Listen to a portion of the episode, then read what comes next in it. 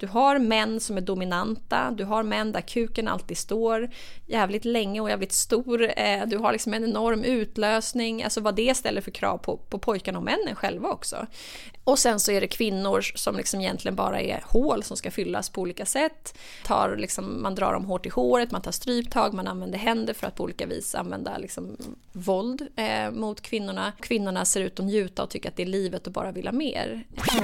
Välkomna tillbaka till till min bebis podden Machokulturen. Idag så får ni träffa ännu en människa som är sjukt jäkla inspirerande i mitt liv som jag har lärt mig och lär mig på daglig basis extremt mycket av Nina Rung. Född 81, Kriminolog, genusvetare, utbildare och debattör står det på hennes Wikipedia-sida. Hon gör sjukt mycket och otroligt mycket bra för samhället. Hon pratar väldigt mycket om sexuellt våld, om sexualbrott, om olika typer av våld brottslighet kopplat till just maskulinitet. Hon har också varit verksam inom Stockholmspolisen, har utrett grovt våld i nära relationer bland annat, sexuellt våld mot barn, eh, har jobbat väldigt mycket med just den här typen av frågor som jag eh, är väldigt intresserad av att lyfta i mitt arbete. Eh, särskilt när det gäller just normkritik och prevention kopplat till våld och sexuellt våld. Eh, driver ju Huskurage tillsammans med sin sambo Peter för att jobba med just våld i relationer, för, för att förebygga våld rättare sagt i hemmet, eh, där man uppmuntrar grannar till att agera. Jag ska inte säga något mer än så, ni får lyssna på avsnittet själva här, tänker inte curla er, men rekommenderar att suga in alla Ninas ord. Nu kör vi!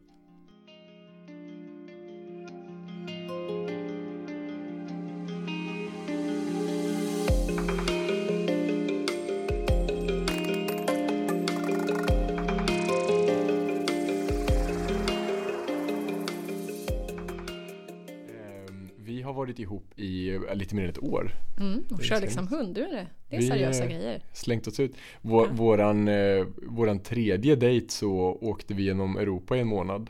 Eh, dag till dag. Vi hade typ inte ens planerat någonting så det, vi har spårat ur totalt. Det är ändå en bra tredje dejt.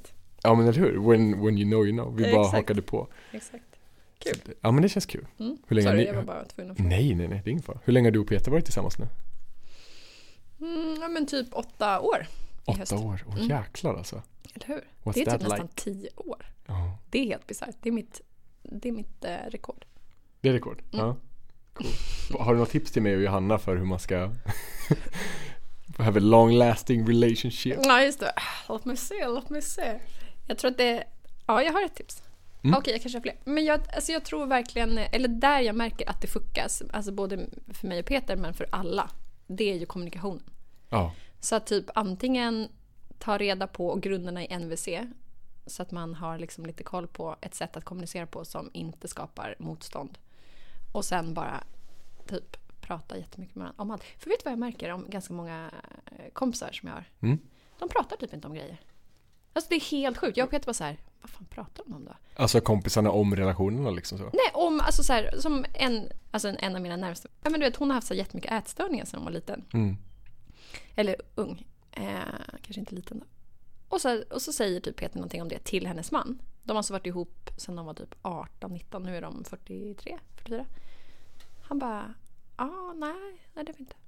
Jag kände inte till liksom? Nej, han har Oj. typ inte koll. Man bara, eh. Och så berättar hon en så helt sjuk grej om, ett, om några grannar som är helt otrogna och är det värsta soppan typ. Okej. Hon bara, nej men jag, jag kan inte berätta det för honom, det blir liksom inget.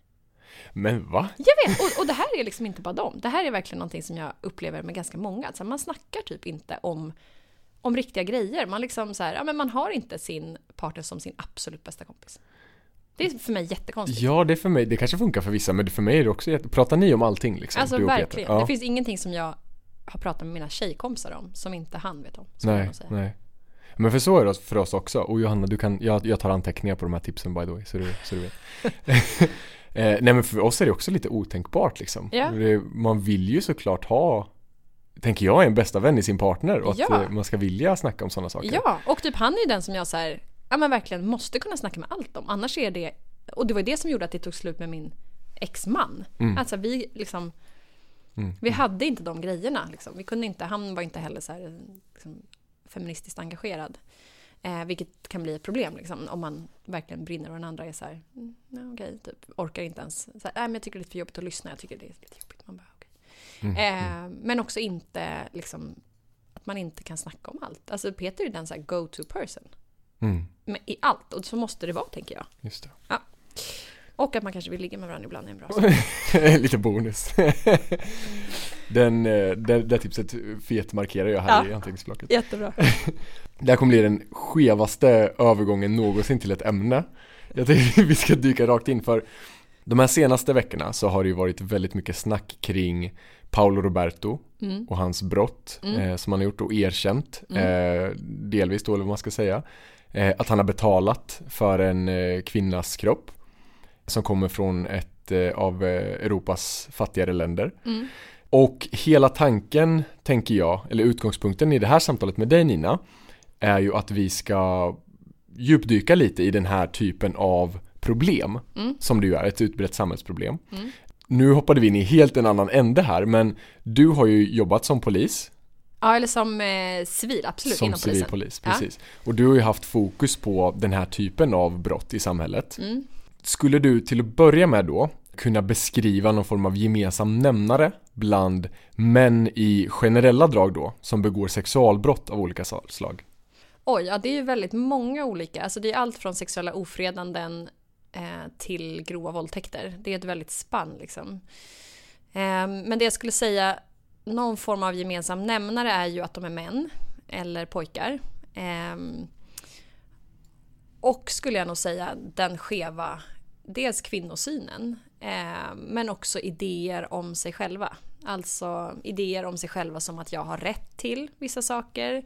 Eh, vadå, hon låg ju bara där. Eh, det betyder att det liksom är fritt fram. Ehm, ehm, och det är inte alltid så att de uttrycker det så här, jag har en jävligt taskig kvinnosyn, det är därför. Men i förhör, eftersom man sitter ju ganska länge oftast i förhör, så framkommer det ofta ganska tydligt vad de har för liksom självbild, eh, men också vad de har för, för idéer om eh, tjejer och kvinnor. Eh, så det är väl, skulle jag nog säga, eh, det som skulle kunna vara gemensamt och att de har någon liksom idé om att ja, men jag, precis, jag har rätt till. Det är nog det eh, som är ganska så tydligt. Eh, och som man så har jag väl kanske då drifter eller en stark sexualdrift, att det är kopplat till sex liksom. Eh, vilket jag kan se i många fall att det inte alls är. På, på vilket sätt menar du? Att det... Ja men till exempel om man är ehm, man säger så här, men det handlar om sex, jag var så kåt till exempel. Och så är det så här, okej, fast du har inte ens fått stånd. Ehm, du har agerat på sätt som, som mer handlar om misshandel och olika former av eh, ja, men, våld. Mer än själva liksom, sexet eh, i sig. Eh, ja, att det kan handla om att det är flera gärningspersoner, alltså flera gärningsmän då, eh, som tillsammans våldtar. Men där inte alla får stånd till exempel, men inte kan visa det mot de andra, utan låtsas att de kommer i henne, eller låtsas att de får utlösning eller så här, för att de vill inte visa att de har en, liksom en less av liksom, eh, maskulinitet eller sexualdrift eller så. Eh, mot de andra killarna till exempel. Just det. Och, och den här typen av tankar och liksom värderingar eller vad man vill kalla det, attityder är Mm. ju på många sätt normaliserade. Grunden till dem är väldigt normaliserad. Eh, och liksom när man applicerar den typen av eh, tankar, attityder och värderingar i just det här sammanhanget som, som det har uppmärksammats väldigt mycket kring prostitution Mm. så blir det också väldigt tydligt tänker jag att det ligger någon form av eh, nyckel i kvinnosyn Mm. eh, bland annat då. Det är Mm. också såklart icke-binära transpersoner som, som drabbas under prostitution och trafficking. Men en form av syn liksom på andra människor och rätten till deras kroppar. Det är det som repeteras ungefär en av tio män har någon gång betalat ersättning för att få utnyttja en, en annan persons kropp. Mm. Enligt Folkhälsomyndigheten som har gjort rapporter och studier och kikat på de här befolkningsstudierna eh, så handlar det om mellan eh, 8 och 13 procent liksom Ja. av män som någon gång har gjort det. Ja. Runt 1 procent av männen svarar att de har gett ersättning för sex under det senaste året. Det är Ja. alltså någonting som pågår fortfarande hela tiden. Mm. Och så vitt jag vet, jag blickar tillbaka ganska länge, så har den här siffran, en av tio män, varit ganska länge. Det är inte Mm. mycket som har ändrats liksom på väldigt lång tid. Vilket också tyder på att det här är ett kontinuerligt problem. För vissa menar ju på så här, ja men det här måste vara gammalt eller det kan inte alls vara så mycket och så vidare. Ehm, hur tänker du på att man försöker förminska att det, det här är ju väldigt många, det handlar ju om liksom hundratusentals killar och män i Sverige. Mm. Ehm, ja, men alltså det ligger ju samma idé bakom att säga att så här, det kan inte vara så många som att säga att så här, jo men det kommer bli bra med jämställdheten, bara de här unga växer upp. Och det vi ser tvärt emot det är ju, eh, om man nu tittar liksom lite längre tillbaka på just sexköp, om man tittar på liksom kanske den tiden då som vår sexköpslag har funnits, alltså i 20 år ungefär, så ser vi att det är yngre och yngre killar som betalar för övergrepp. Så eh, det ju, skulle ju faktiskt tala direkt emot att det blir bättre med jämställdhet. För är man jämställd, har man en jämställd liksom värderingsgrund så blir det jävligt skevt och samtidigt köpa övergrepp av en väldigt utsatt och utnyttjad person. Ehm, så att jag skulle säga att det är liksom samma idéer och samma personer gissningsvis som säger ja men jämställdheten den kommer. Alltså nästa generation så bara nej, den kommer inte om vi inte aktivt väljer att agera. Ehm, så kommer det inte hända ett skit. Ehm, och det är ganska tydligt tänker jag i, jag möter ju jättemånga skolungdomar. Sista två och ett halvt åren har jag mött tiotusentals unga. Både högstadiet, högstadieelever och på gymnasiet. Och det är så himla tydligt hur illa ställt det är. Det är inte en jämställd generation. Eh, absolut, de kanske vet lite mer än vad våra föräldrar gjorde när de växte upp. Eh, men alltså det språkbruket, hur man uttrycker sig mot tjejer eller mot andra killar, eh, hur man fortfarande anser sig ha rätt till andras kroppar. Alltså det riktigt sad alltså att se det eh, och samtidigt höra då gissningsvis deras föräldrar som säger att jämställdheten den löser sig så fort de här äldre bara försvinner. Så bara nej, gör något aktivt, gör något annorlunda, då kan vi få se ett annat resultat. Eh, så att, att de här siffrorna, en av tio ungefär svenska män har legat ganska konstant, det är inte särskilt märkligt. Det som däremot är ganska så alarmerande är att det blir yngre och yngre killar och att man ser på det som någonting väldigt normaliserat och någonting så här, ah, men en kul grej, något man gör ihop med polarna. Eh, så. Som jag nog ändå skulle säga är en skillnad mot kanske de äldre männen som ändå, där det fortfarande ändå är i deras hjärnor liksom stigmatiserat det de gör. Eh, Medan de för yngre är liksom, ja, det är som en kul grej vi gör en lördagkväll. Mm, mm. Majoriteten av eh, de som har kommit in i, i då registret eller vad man ska kalla genom Folkhälsomyndigheten har ju också uppgett att så här, en majoritet av dem har gjort det här utomlands. Ja. Precis som du är inne på, om man gör det till en grej, en resa och då blir det här som något som naturligt inslag liksom att okej vi går och betalar för ett övergrepp här. Och att precis som du säger att det är yngre. Det borde ju, tycker jag också vara premissen att man, man ser på det som att det, det går liksom inte att betala för att få ett samtycke.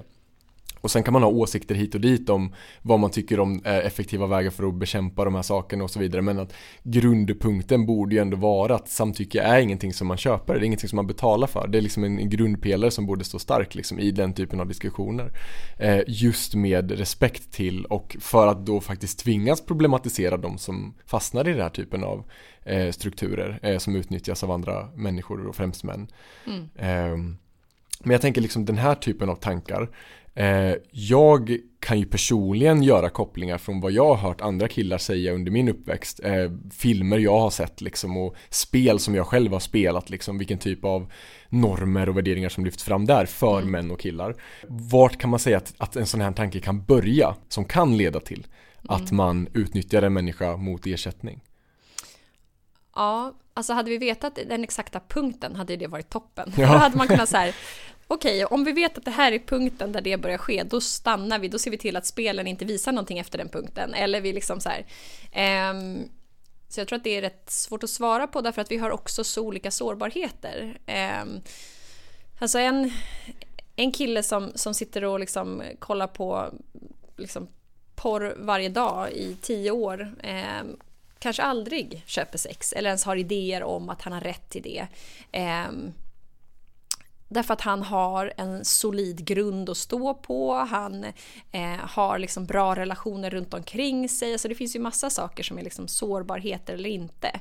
Medan en annan eh, som kanske redan har väldigt starka idéer och föreställningar om vad han har rätt att göra och sen så konsumerar han mainstream-porr, ehm, eh, kommer till det, runkar till det, Ehm, tycker att det är livet, liksom, ser hur kvinnorna i pornografin aldrig säger nej, aldrig opponerar sig mot någonting eh, och liksom har någon form av sårbarhet i det. Så att när han sen träffar eh, en tjej som han har sex med så kör han på. För att det är så man gör i porren och de säger aldrig nej så Eh, varför säger hon nej? Och det är helt fel. Nu ska hon hålla käften. Jag tar ett stryptag på henne så att hon blir tyst. Alltså det, eh, det är svårt att säga ju eh, när den där gränsen går. Men det vi har kunnat se i forskningen är ju faktiskt, eh, för precis som du sa, det är ju faktiskt beforskat. Det är så lätt att säga också så här, det finns ingen forskning och så kan man liksom vara nöjd sen. Men det finns ju faktiskt det. Det finns bland annat en studie från Max Waltman som, som ju har tittat på 50 års porrforskning. Så det är en metastudie när man tittar på massor av olika studier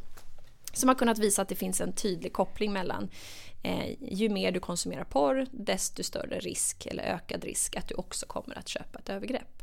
Eh, alltså gör, utföra ett sexköp helt enkelt. Eh, så att vi vet att det påverkar. Vi vet också att eh, den typen av mainstream-porr som ju eh, är liksom gratis och tillgänglig för alla unga idag, den var ju inte det för för ett gäng år sedan. Det här är liksom en av de första generationerna som växer upp på det här sättet eh, utan att egentligen få det problematiserat. Du har män som är dominanta, du har män där kuken alltid står jävligt länge och jävligt stor. Eh, du har liksom en enorm utlösning, alltså vad det ställer för krav på, på pojkarna och männen själva också. Eh, och sen så är det kvinnor som liksom egentligen bara är hål som ska fyllas på olika sätt. Eh, man, tar liksom, man drar dem hårt i håret, man tar stryptag, man använder händer för att på olika vis använda liksom, ja, våld eh, mot kvinnorna. Eh, och kvinnorna ser ut att njuta och tycka att det är livet och bara vill ha mer. Eh, och om man tillräckligt mycket tittar på det där så, så behöver man ju också förstå att det där kommer att påverka ens idéer om kvinnor som man kanske ser på gatan eller som man har i sitt eget liv. Just det.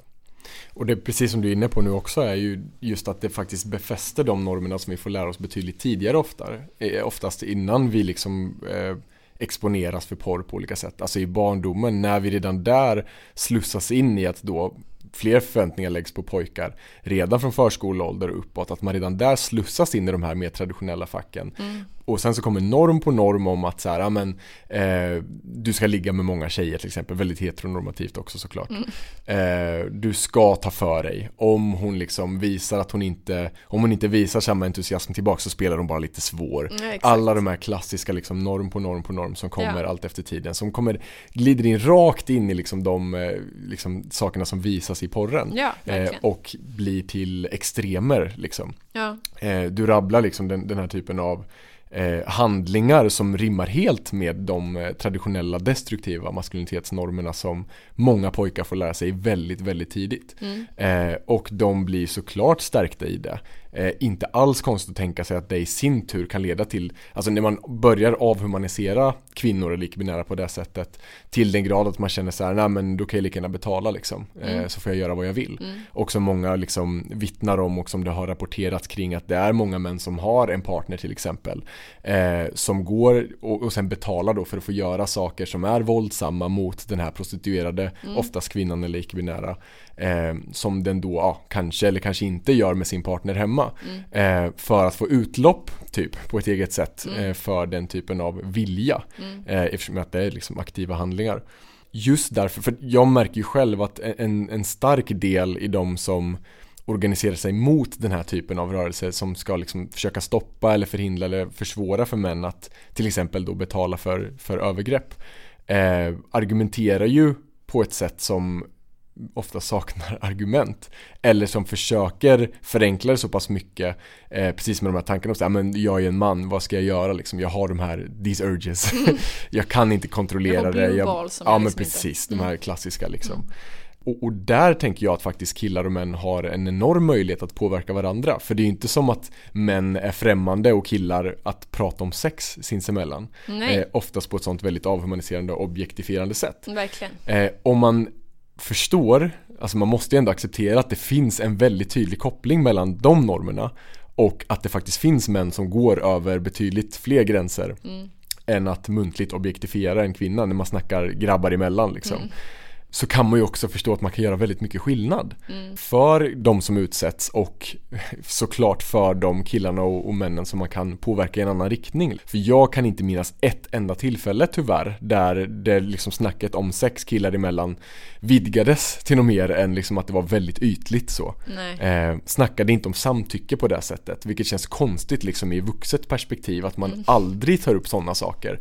Man hade någon förväntan på att killar fattar det. Mm. Men så visar det liksom så här att det finns ju gott om statistik som också visar på att vi har enorma problem med för killar att förstå vad samtycke är för någonting. Ja.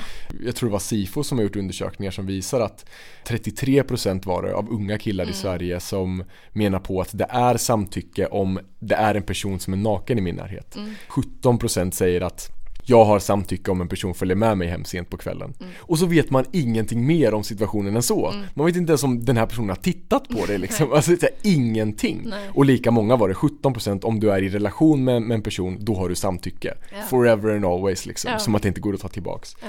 Och det är så mycket som tyder på att vi har problem killar emellan med att prata om de här sakerna eh, på ett sunt liksom, och konstruktivt sätt sinsemellan. Och att vi håller varandra ansvariga för dem. Mm. Och där känner jag att vi behöver steppa upp lite. Ja men verkligen. Och, och det är väl det som är också det, så här, det luriga. Hur får man unga män att liksom uppvuxna med de här normerna som du pratar om. Som sen börjar konsumera porr, som sen liksom tänker att det här är så ens kompisar har sex. Eh, och som du säger också inte problematisera det på något vis. Hur får man då plötsligt dem att, att liksom bara ta den empatiska liksom förmågan att också förstå att den personen som du tittar på här nu, den personen är most likely har hon, om det nu är en kvinna i pornografin, har varit utsatt för sexuella övergrepp som liten, lever i svår fattigdom, är med största sannolikhet har hon varit hemlös någon gång. Alltså allt det vi vet eh, om kvinnor i både pornografin och Eh, prostitutionen. Eh, hur får vi dem att ta det liksom, perspektivet? Eh, det är ju verkligen en eh, utmaning tänker jag. Det är klart att om jag gjorde någonting som jag tyckte var skönt för mig eller som jag gillade eller som jag hade lärt mig att gilla kanske från att kanske ha tyckt att det är lite obehagligt och äckligt till att liksom digga det. För det har man också kunnat se, ju yngre pojkarna är desto mer obehag upplever de när de tittar på porr och sen så liksom normaliseras de in i det där. Ehm, men om jag nu har liksom diggat det här så är det klart att jag på olika vis har försökt att förhandla med mig själv. Eh, som att jag går till en kvinna i prostitution och så tänker jag, ja men jag är ju en schysst snubbe. Så det är ju bra att hon träffar mig i alla fall. För jag är ju hel och ren och fräsch och liksom kanske har ett sexpack, du vet. Alltså jag är härlig. Eh, än att hon träffar någon riktigt äcklig. Så bara, vad är skillnaden mellan er två egentligen? Liksom? Att det också blir som ett sätt att så här, ja men jag gör henne en tjänst. Typ, Exakt. Så här, jag gör någonting gott ändå ja. för henne och hon får ju ändå pengar. Ja, liksom. och jag är ju snäll. Jag skulle ja. inte slå henne.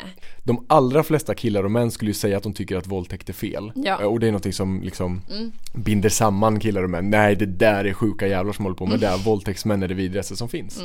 Mm. Eh, och förstå att alltså hoppet till våldtäkt kanske är mycket, mycket kortare än vad man intalar sig liksom i ja. generella termer.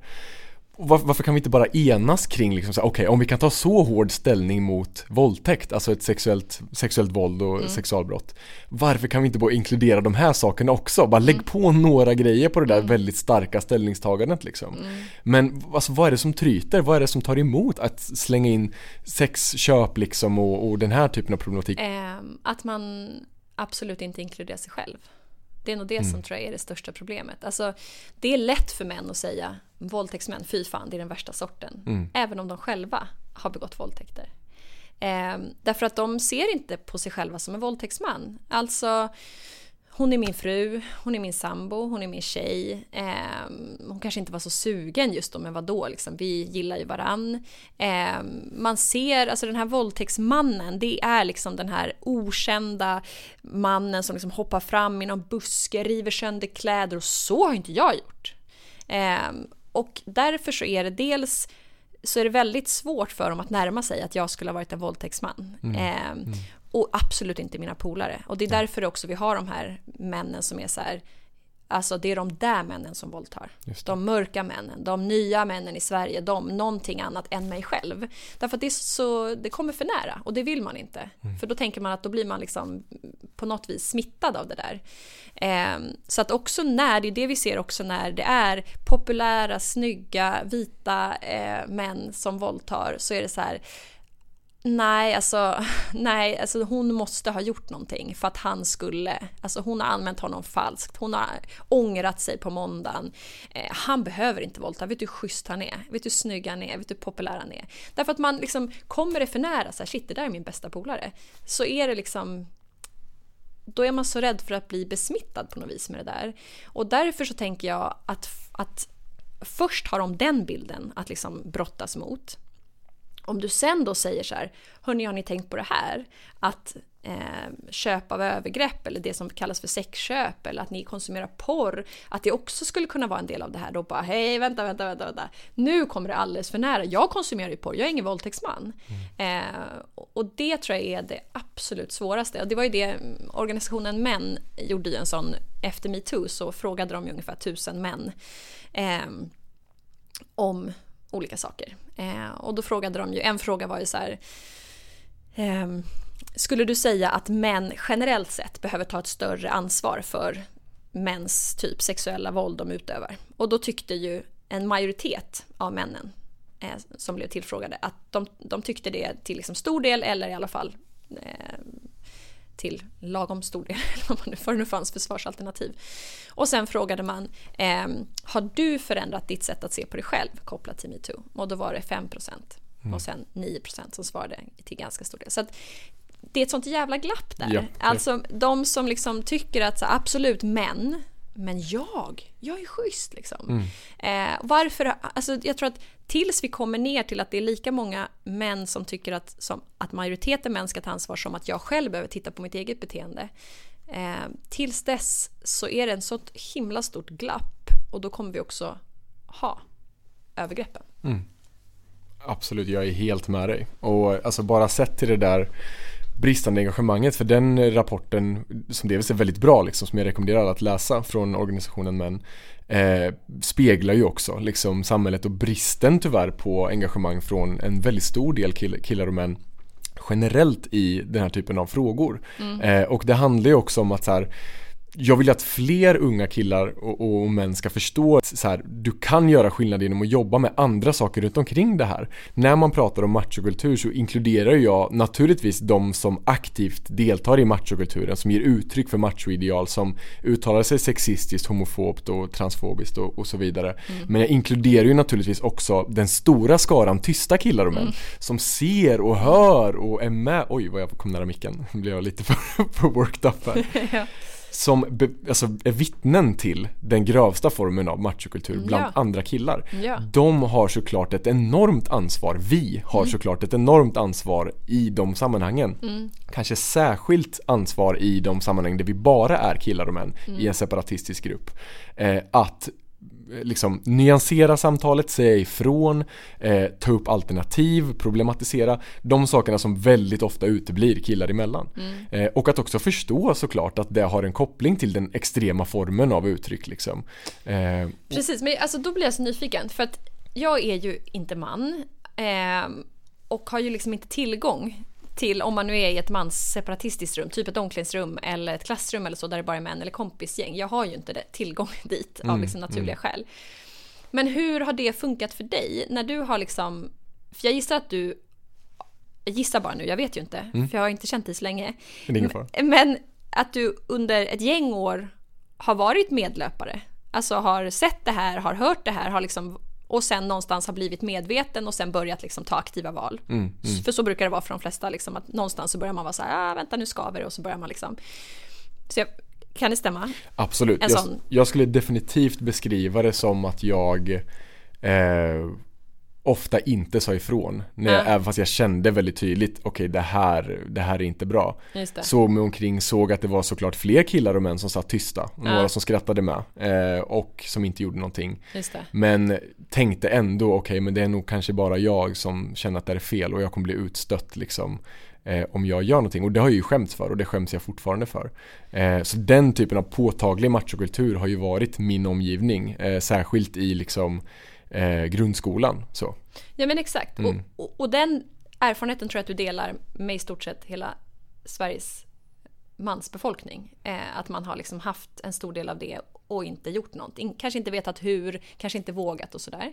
Sen är det ju inte jättemånga som har kommit till en punkt där de är såhär, vänta det här skaver för mycket, jag lär mig mer och nu måste jag verkligen börja säga till. Men så det jag undrar är, hur har det blivit för dig, alltså personligen, när du har väl börjat sätta ner foten, ifrågasätta, säga ifrån? Ehm, det, när jag började säga ifrån och aktivt göra motstånd mot de här machonormerna, mans, traditionella mansnormerna eh, så har det ju blivit flera olika effekter. Bland annat så har det varit killar som slutar umgås med mig eller liksom så här tar avstånd ifrån mig, tycker jag är skitjobbig. Ja. Eh, men det har så väl också varit killar som bara så här, ah, okej du tycker också så. Och vet du vad, jag har, jag har också tänkt på de här sakerna och inte vågat säga någonting. Och sen så hittar man en gemenskap i det liksom. Att precis som du säger, majoriteten sitter ju tyst och känner så här, det är någonting som skaver här, som, Ja. som inte vågar göra någonting. Nej. Samtidigt så lyfter man fram machoideal om att man ska vara stark och våga stå Ja. för det man tror på, liksom alla de grejerna. Men då ska det rimma med liksom den hegemoniska maskuliniteten, liksom den övergripande. Exakt. Ehm, jag skulle säga att det har flera effekter och man får faktiskt vara inställd på att det är inte lätt, alltså heller. Man måste ju också acceptera att de här killarna då som kanske ger uttryck för den, de mest extrema formerna av sexism, de kommer såklart inte gilla att bli ifrågasatta av andra killar. Nej. Men det kanske också är första gången de blir det. Ja. Eh, De är vana vid att höra den typen av kritik eller feedback från kvinnor och icke-binära Men det är alltid, nästan alltid tyst från killar och män. Just Så det. det kan ju bli ett första motstånd som faktiskt sår ett frö, okej nu har inte jag alla killar i alla fall i ryggen längre. Det är någonting som, du vet så här, att det kanske börjar rulla då. Ja. Att man sår ett frö. Ehm, Men det är liksom, man, man får väl på ett sätt stålsätta sig lite och faktiskt, tycker jag, alltså det som har hjälpt mig mest är att hitta gemenskapen med de andra killarna och männen som också väldigt tydligt känner så här Fuck den här machokulturen liksom Jag vill inte vara en del av den, jag ser hur andra drabbas av den också som inte identifierar sig som killar och män Ja. eh, Vi behöver göra någonting Om det så är att säga ifrån en gång eller två gånger om dagen eller resten av sitt liv Alltså gör allt du kan liksom såklart Ja. Eh, och ha inställningen att det kommer gynna alla inblandade parter. Mm. Just do it man. ja, och apropå det vi började prata om med sexköp. Ja. Att så här, jag vet inte om det är någon som är förvånad att det är just Paolo. Nej, nej. Alltså man har ju under så lång tid kunnat se de extrema macho liksom, normerna som han har bara sprutat ur sig på olika sätt. Hur han har rackat ner på feminismen, hur han har sagt själv att han är militant antifeminist. Alltså så här, det är väl ingen som är förvånad och är så här, va? Paolo? Att, att istället kan jag ju ifrågasätta hur TV4, hur alla liksom har tillåtit hans liksom jargong och skitbeteenden på olika sätt. Alla det, år, liksom. Ja, alltså alla som har jobbat med honom, att ingen har sagt så här, Hörru Paolo, det funkar inte och liksom agera på det här sättet och prata på det här sättet du gör. Att skriva håll käften och gör ditt jobb till vår jämställdhetsminister. Det är inte coolt. Det är liksom, det är inte rimligt. Du behöver ta ansvar. Eh, du behöver liksom se till att ha schyssta och bra värderingar. Eh, så att det, det hänger ju ihop. Absolut. Ehm, och det är väl det som det visar både forskning, eh, det visar erfarenhet, det gäller bara att få med sig resten av gänget på tåget att förstå att om du börjar med att skrika att någon är en hora, en fitta, kanske tar henne på brösten, ja men då är det en större risk att du också går över gränser på festen när hon är lite för full. Eh, eller tillåter din kompis att göra det. Eh, så så att, Precis. låt oss låt oss låt oss, låt oss. Det är ju precis, det är precis därför det måste handla om mer än Paolo. Det måste handla om den stora bilden. Ja. Med alla den här typen av uttryck. Och det är där vi kan göra avtryck bland andra killar och män. Eh, om vi verkligen känner så här, vet du vad, jag är en perfekt schoolboy. Eh, som aldrig skulle göra någon, någon illa, fine. Du, du kommer inte få ett diplom för det, men det är också då jättebra att du säger ifrån mot de grejerna som du precis rabblar här. Mot Mm. tafsningar, mot sexism, mot uttryck för en negativ kvinnosyn som Paolo har uttryckt så himla många gånger Ja. och, och liksom okritiserat. Han har ju också dessutom i något av de här panelsamtalen i eh, diskussion med andra män som vill då omformulera maskuliniteten till någonting sundare använt samma typ av retorik som den här alt-right, den typen av motstånd säger. Han, han sa någonting i stil med Ja, det här handlar ju bara om eh, snubbar på söder som inte får knulla sina brudar. Och man bara Absolut, absolut. Ja men it, it all comes down to the dick. alltså det, det är väl exakt. lite det som är grejen. Så det handlar om att knulla eller feministiska män de vill bara knulla tjejer. Ja. Tjejer som, som är liksom feminister det handlar om att vi är för fula och inte har fått kuk. Alltså det är så här, släpp kuken. Alltså, det Släpp liksom- kuken. Då, då kommer det kanske klarna lite. Liksom. Det handlar inte om att, att liksom jag jobbar och strävar för jämställdhet för att jag har fått för lite kuk. Mm, Eh, det liksom handlar om att jag ser för mycket kukar runt omkring mig som liksom är lite för, för pepp. Väldigt Eh, välformulerat. Vad, vad var det ni sa i ett av era låt kuken vila. Låt kuken vila i Ja. CO Rung-podden. På. Så jävla gulligt också. Vi har en granne, hon är ju Eh, ja, nu vet inte exakt hur gammal hon är faktiskt. Jag har liksom inte riktigt velat fråga. Eh, men hon är pensionär i alla fall och sitter hemma och eh, styr med liksom olika eh, så här, vad säger man, satellitprogram på sin TV. Det är det hon liksom pysslar med och går ut och röker då och då. Men hon är så skön. Så kom hon ut och så snackade Pet lite med henne och så av någon anledning så drog han låt kuken vila liksom snacket. Varpå hon glider in och gör en brodering. Åh nej, vad Ni har den här eller? Ja, vi har den uppsatt på väggen Åh gud hemma. vad nice. Så att hon kommer ut med den här och har skrivit låt kuken vila. Alltså det är bland det bästa som har hänt. Ja. Eh, och så bara, ah, jag är inte riktigt klar, jag ska brodera lite blommor på också. Så fick vi den sen. Hon bara, ja sådär, nu var den klar. Tack Nina Rung för att du varit här och snackat med mig om machokulturen och kvinnosyn och prostitution och du gör ett så enormt viktigt arbete. Jag rekommenderar alla som lyssnar på det här oavsett könsidentitet att följa dig, eh, engagera sig i ditt arbete. Innan jag släpper dig så ska jag göra en sak som jag kommer göra med alla som är med här. Oj, Eh, gör en sak, det låter så här. Åh nej, okej. jag kanske kan formulera om det. Ja, kanske. Jag ska ge dig en liten utmaning. Eh, Ah, okej. Du får välja en maskulinitetsnorm Mm. som du antingen tycker är positiv Mm. eller som du tycker man kan formulera om till någonting positivt. Ehm, ja, det finns ju många. Ehm, ja, men kanske att vara trygg då. Alltså att vara en klippa. Att vara den som liksom står stark när stormen viner typ. Eh, det är ju en, en norm som ju såklart är jobbig för män också. Som kanske inte alls känner sig som någon steady as a rock och liksom. Eh, men som ju kan ge andra någon form av trygghet och luta sig mot. Och jag tänker ju att min önskan med normerna är ju att vi kan vara precis vad vi vill. Så att eh, om man inte känner sig stadig så kanske man hittar någon kompis eller någon partner som är stadig oavsett könsidentitet på den personen. Så kan man hjälpas åt eh, att stå stadiga och trygga. Eh, men det, trygghet eh, är ju någonting som, som jag tänker är eh, positivt och som ju i en positiv liksom, miljö eh, också kan föda till exempel att man vågar stå upp för eller stå upp mot eller så. Mm. Gud vad fint. Jag tycker det är så jäkla nice att du får med just det här med att eh, i tryggheten, det behöver inte utesluta att man faktiskt typ sträcker ut en hand eller ber om hjälp också. Att man Nej. kan stöttas tillsammans. Ja. Att så här, det, det finns ju en sån tydlig, eh, ett tydligt miss, missförstånd kring just den normen att män måste vara självständiga och stadiga och aldrig ta hjälp, aldrig crumble, aldrig du vet sträcka ut en hand. Så det är väldigt fint. Gud, det här var tankeväckande liksom. Ja, vad fint att jag fick vara med. Ja men tack, så himla fint. Ja, tack. tack, tack. Hej! Nästa vecka så kommer ni få lyssna på kroppsaktivisten Christian och det här är så jäkla intressant för han är en av väldigt få killar och män i vårt samhälle som är kroppsaktivister.